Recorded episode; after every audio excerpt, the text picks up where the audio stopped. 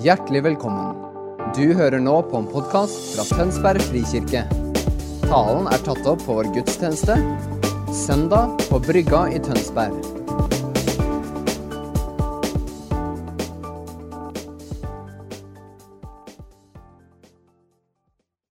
God søndag. I dag så er det meg som skal få lov til å dele noen korte ord med dere. Og I dag så er jeg så heldig at jeg skal få lov til å dele om kanskje et av de temaene som jeg gjør meg aller mest begeistra, og som har vært aller mest utfordrende. Hvis det er én ting som jeg ønsker at elevene skal lære etter å ha gått et år på Tønsberg bibelskole, så er det dette temaet som jeg skal snakke om i dag. Det er helt sentralt på hva jeg mener det ser ut som, og hva det er å følge Jesus. Og det er helt sentralt i hvordan min hverdag ser ut sammen med Gud. Men For å begynne å innlede til dette, så har jeg lyst til å begynne med en kort historie. Og I dag så er det sånn at Du skal få lov til å være i en familie. Se for deg at du har en familie på fem. Du er ektemannen eller kona, og du har endelig fått lov til å bli invitert tilbake igjen til Det hvite hus. Nå er det sånn at Du har vært i Det hvite hus før, og det var en fantastisk opplevelse. Men nå denne gangen her så har du lov til å ta med deg barna og hele familien. Ikke sant? Du setter deg på flyet, og du har kommet fram. Og det har vært en sånn vanlig tur. Det har vært litt krangling mellom barna i baksetet og litt kaos, og sånn, samtidig som det har vært mange fine øyeblikk underveis. Og Du er full av forventning til det som kommer til å skje. En ting som du har tenkt på mye i forkant, er at du må forberede barna på dette. Ikke sant? Du vil ikke at det skal bli kaos, og du har sagt til dem, du har preppa dem på hvordan de skal oppføre seg, hvordan de skal være. Og denne ferien kommer cirka, ikke sant? Du skal være der kanskje en måned i Det hvite huset, disse fantastiske steder hvor du får lov til å bli kjent med nye folk og masse forskjellig fint som kommer til å skje. Så går du inn, og du har vært der i kanskje tre-fire-fem dager med familien. Og så begynner du å innse at kanskje ikke dette var en så god idé. Det begynner med at det er en liten uenighet ikke sant, mellom du og kona, og det sprer seg til barna at de begynner å ha en konflikt. og Plutselig så løper de etter hverandre og så knuser de noe av serviset som er på kjøkkenet. Og så begynner dette bare å balle på seg. Og Så begynner konflikten, og du begynner å bli sur, og noen av relasjonene, og det blir kaotisk, og du innser at nå har jeg gjort min livs største tabbe. Plutselig har barna begynt å oppføre seg som de oppfører seg hjemme i Det hvite hus. Og du innser at du skulle gjerne ha oppdratt barna og deg sjøl litt mer før du kom. Vi skal begynne med oppdragelse. Og en av de tingene som Bibelen gjør fra, hele, fra begynnelsen og til slutten, handler om oppdragelse. Så vi må begynne å gå inn i Bibelen og se. Det første som vi finner, er rett og slett at Adam og Eva blir skapt i en relasjon til Gud. Og Poenget er at de skal være hans sine representanter. De, skal, de, er skapt i Guds bilde. De er Guds folk, de representerer Gud, og de er hans verk. De er hans folk på denne jorda. Og det er ikke bare sånn at De var bare skapt, men hele poenget var at i denne Edens hage som de ble skapt, så var alt perfekt, alt var godt. Og Ønsket var at dette gode skulle spre seg ut til hele verden. Så alt i hele verden skulle bli fylt med Guds godhet og Guds velsignelse og Guds herlighet. Og Det var det oppdraget som Adam og Eva fikk. ikke sant? Å spre dette og bygge dette, og bygge sunne, hele, gode familier og spre det utover. Problemet var bare at eh, de fikk veldig mye ansvar. Og så er spørsmålet hvordan skal de gjøre dette? Og Da kom, finner vi det første budet som vi finner i Bibelen. Og Det første budet det var fra Gud, som sa at dere kan spise av alt i hagen. Så Det første vi får vite er at det her er det masse overflod av ting, av frukt og av godhet i denne hagen. Og sammen med det budet så sier han at men det er ett tre dere ikke må spise, og det er treet til kunnskap om godt og ondt. Og da ser vi at eh, Dere kjenner jo sikkert de fleste av dere historien. Det som skjer er at De spiser jo sikkert av de andre trærne, men de må spise ikke sant? ja, vi må prøve dette ene treet.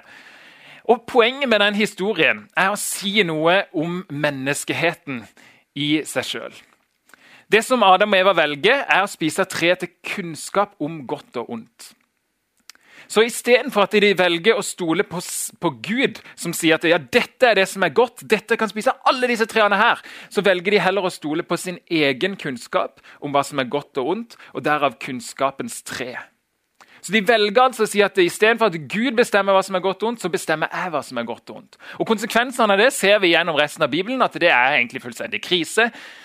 I neste slektsledd så begynner de å drepe hverandre, akkurat som at de tror at dreping ja, det er sikkert veien til det gode. Så vi dreper hverandre. Da utbrer vi sikkert dette i denne Edens hage som vi har tenkt. Og så begynner de å stjele, og så blir det bare fullstendig kaos.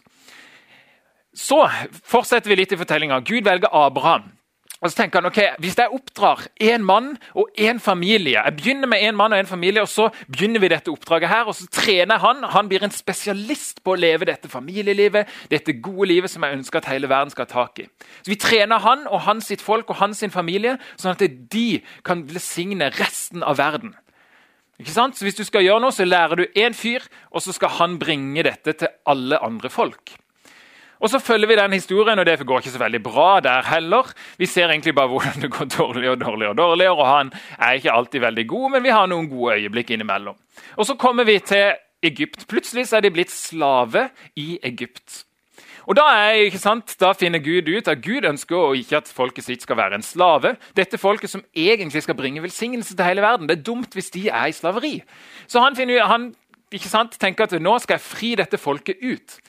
Men tanken er ikke bare å fri folket ut av Egypt. Tanken er å fri dem ut av Egypt for at de skal komme inn i det lovede land. Så de skal begynne å leve dette livet som Gud hadde kalt Adam og Eva til, og som Gud lovte til Abraham. Så Gud tar dem ut av Egypt, og så skjer det noe veldig spennende. Før de kommer inn i dette lovede landet, som Gud har lovt dem, så er de i denne ørkenen ikke sant, i en evighet, 40 år. Og der finner vi en av de mest interessante tingene. Israel får, altså Guds folk får loven. Og Hva er poenget med loven? Det kan man snakke, snakke i evighet om, men ett av poengene er at det skal oppdra Israel. Tilbake til Det hvite hus. Hva var det familien gjorde feil før de kom til Det hvite hus? De hadde ikke oppdratt verken seg sjøl eller barna nok som egentlig leda til at når de kom inn i Det hvite hus, denne fantastiske plassen hvor de endelig fikk lov til å være i dette liksom, paradiset Det er ikke sikkert det er sånn i Det hvite hus, men se for dere det et, kan ta det trekke det enda lenger til et fantastisk land eller område. Så endelig får du lov til å komme inn der. Men det som skjedde, var at menneskene begynte å ødelegge det fantastiske som de hadde fått. Istedenfor at de fikk lov til å, at de nyte det og fikk brukt det og omfavna det og lett i det, så begynte de å ødelegge det. Fordi at de levde i sin egen visdom. Så Gud finner ut at før dette israelsfolket skal komme inn i det lovede land, så ønsker jeg å oppdra dem, jeg ønsker å lære dem hvordan de kan leve dette livet her. Og så følger jo historien at vi ser at det funker jo veldig dårlig. Det er jo ingen av de som klarer å følge loven, ingen av de som klarer å følge Guds stemme, og de ender opp i eksil. De kommer, inn, de kommer inn i landet, så blir de satt ut av landet, og så innser vi til slutt at dette funker ikke. Så kommer vi til Jesus. Og Jesus kommer, og han er den første som faktisk klarer å leve i Guds visdom. Så Istedenfor at han stoler på liksom alt det andre som verden sier er godt, så sier han at det er Gud, det er du som definerer hva som er godt. Jeg gjør kun det som Faderen sier. Så Jesus lever ut dette oppdraget som Adam og Eva fikk i begynnelsen. Og Hvis vi skal se kort på hva er det loven egentlig gjorde i denne fortellinga i Bibelen Det loven gjorde, var at han viste at Guds folk at de ikke fikk det til. Det ble akkurat som et sånn forstørrelseglass på Israel. Så Guds lov ble et forstørrelsesglass som viste at folket til Gud de klarer det ikke. De får det ikke til. Det viste egentlig bare hvor massivt dette problemet var. Og Derfor så måtte Jesus komme for å gjøre noe med dette. Så det som Jesus gjorde var ikke bare at han viste dem hva som er rett, for det hadde jo på en måte vist hele historien, men han gjorde det faktisk mulig for dem å leve ut dette livet som Guds barn. Han gjorde det mulig for dem at de faktisk kunne bli oppdratt til å bli det folket som Gud ønska. Ikke bare for å ta dem ut av Egypt, men for å ta dem inn i det lovede land. For at hele verden, som nå er det lovede land for oss, er at det Guds rike, som er ordene vi ofte bruker. Guds rike, eller at himmelen, som vi ber i Fader vår, la ditt rike komme her. At hele verden, at hele Tønsberg skulle bli fylt av en plass hvor familie gjør familieliv på en god måte. Hvor businesset er ærlige og er sjenerøse og brer ut av Guds rike prinsippet. Hvor vi ser at det, er naturen og alt blir tatt vare på. Hvor Guds virkelighet blir her. Ok, Da har vi vært gjennom bibelhistorien, og så skal vi lande dette i hvordan ser dette ut, og hva betyr det for oss. Hvis vi oppsummerer det med at det som vi er kalt og skapt til, er å være elever av Jesus. Ikke sant? Hele Bibelen handler om at Gud sier at ok, følg min stemme, la min visdom være det som leder dere. Og Hvordan det ser ut for oss, det er at vi ser på Jesus og så blir vi disipler av han. Og hele kjennetegner, Poenget med en disippel er at du innser at du har feila. Jeg trenger ingen læremester hvis jeg kan livet. Det å være en troende, det å følge Jesus, det å være en disippel, det som vi er med på, er faktisk å innse at jeg får det ikke til. Jeg i min egen visdom jeg har ikke peiling. Jeg trenger Jesus, som kan være min lærer, som kan være han som jeg følger etter, som kan undervise meg, som kan oppdra meg, som kan rettlede meg, sånn at jeg blir dette mennesket. Ikke bare så jeg lærer hvordan, men så jeg faktisk blir det, så jeg blir forma til å bli det mennesket som skal leve i det lovede land i evigheten. Så Det er visjonen vår. Lærlinger her og nå, både for å lære livet her og nå, men òg med en større visjon om å leve i det landet i en evighet. Så ser vi i Kolosserne 1.28. Da har Paulus skrevet om denne fortellinga. Han har utbredt det, han har begynt på begynnelsen, har skrevet om dette i Kolosserbrevet fram til nå. Og så skriver han her på slutten, i 1.28. Det er ham vi forkynner. Altså Det er Jesus vi forkynner, og vi rettleder og underviser alle mennesker i den fulle visdom for å føre hvert menneske fram til modenhet i Kristus. Så Han sier at vi underviser og vi rettleder hverandre for å føre hverandre fram til modenhet. altså Til å bli den personen som Jesus har kalt og skapt oss til å være. Så Jesus er fokuset, er senteret i hele denne fortellinga, som vi underviser og leder hverandre fram mot. Vi kan si at eh, Jesus gjennom vi, ikke, Jesus vi finner ikke Jesus i Gamle testamentet med hvor Jesus blir sagt at dette er Jesus. Men vi finner visdom, vi finner Herrens engel, vi finner forskjellige karakteristikker gjennom Bibelen som Jesus tar på seg sjøl og sier at 'nå er jeg visdom'. Så når Jesus kommer, så sier han 'jeg er ordet', 'jeg er kjærlighet', 'jeg er visdom'. Så plutselig ser vi at Jesus er blitt denne visdommen som vi kan følge etter. Så går vi til Kolossene 3, 16. Og Dette er det avsnittet som vi har jobba gjennom i denne tida her i kirka. Eh, og Da står det eh, i 3.16.: La Kristi ord få rikelig rom hos dere. Undervis og rettled hverandre med all visdom. Og dette, For meg så er det kanskje noen av de mest utfordrende versene i Bibelen. For hva er det dette handler om? Det handler jo om at eh, vi skal undervise og rettlede hverandre. Men hvem er det egentlig som har undervist og rettledet folket gjennom Bibelen? Jo, det er jo Gud som er Guds visdom. Det er jo han som skulle undervise og rettlede Adam og Eva. Men hvordan er det Gud har gjort det? Jo, han har gjort det gjennom mennesket. Hele Bibelens historie så handler Gud først og fremst gjennom mennesket. Når Gud ønsker å gjøre noe i verden, når Gud ønsker å si noe til oss, når Gud ønsker å forme sitt folk, så gjør han det gjennom menneskene. Og det vanvittige på en måte som eksploderer litt i, i oss når det kommer til Nytestamentet, er at eh, Jesus sier at han er hodet, og så er vi, menigheten, blitt kroppen hans. sin. Så Hvordan er det Gud underviser og rettleder sitt folk nå? Jo, Det er jo gjennom Jesus. Og, er, og hvor er Jesus? Jo, vi er jo kroppen hans. sin. Så kroppen underviser og rettleder hverandre. Og Det er jo det vi gjør i menigheten hver eneste uke. Det er det vi gjør i småfellesskapene. Det er det du gjør i ekteskapet. Det er det vi gjør i relasjoner. Vi underviser og former og rettleder hverandre. Ikke bare for å gjøre det, men mot Kristus. Med en evighet i perspektiv. Og For meg så jeg har lyst til å lande litt i min egen erfaring med disse tingene. For det er kanskje noe av det mest utfordrende. Har dere prøvd å undervise noen som ikke ønsker å bli undervist? Eller har du prøvd å rettlede noen og belære noen, noen som egentlig ikke har lyst til å ta imot?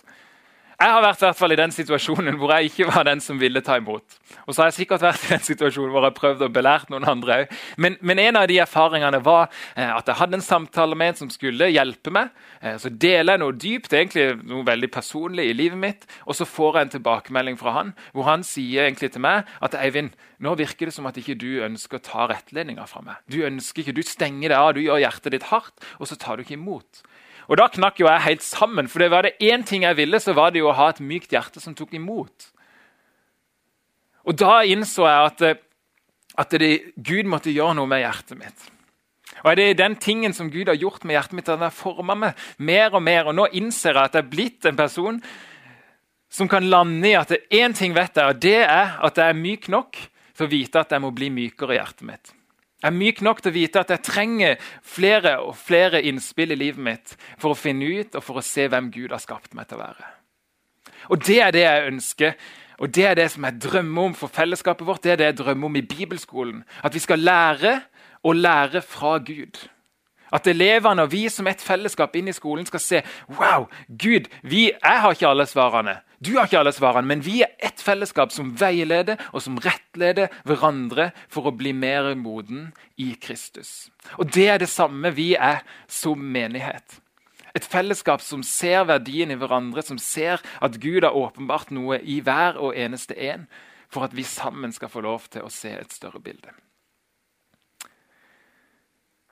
Så har jeg lyst til slutt å bare be om at vi skal få myke hjerter, så vi ikke blir et fellesskap som, som, det som jeg opplevde, hvor jeg ikke vil ha rettledning, hvor ikke jeg vil bli undervist. Men dette er noe av det mest utfordrende. Hvordan ser dette ut? Og Det må vi finne ut av sammen.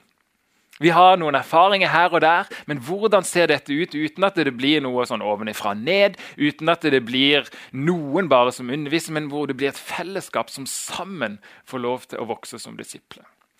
Så Hellige Ånd, jeg ber nå om at du skal gjøre og forme hjertene våre til å bli hjerter som innser at vi trenger din visdom, Gud.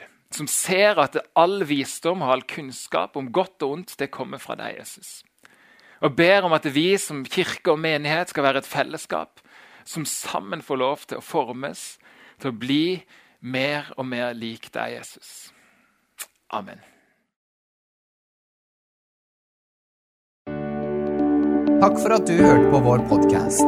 Har du spørsmål eller ønsker du å vite mer? Søk oss på vår nettside tonsbergfrikirke.no. Du er også velkommen til kirke på Brygga i Tønsberg.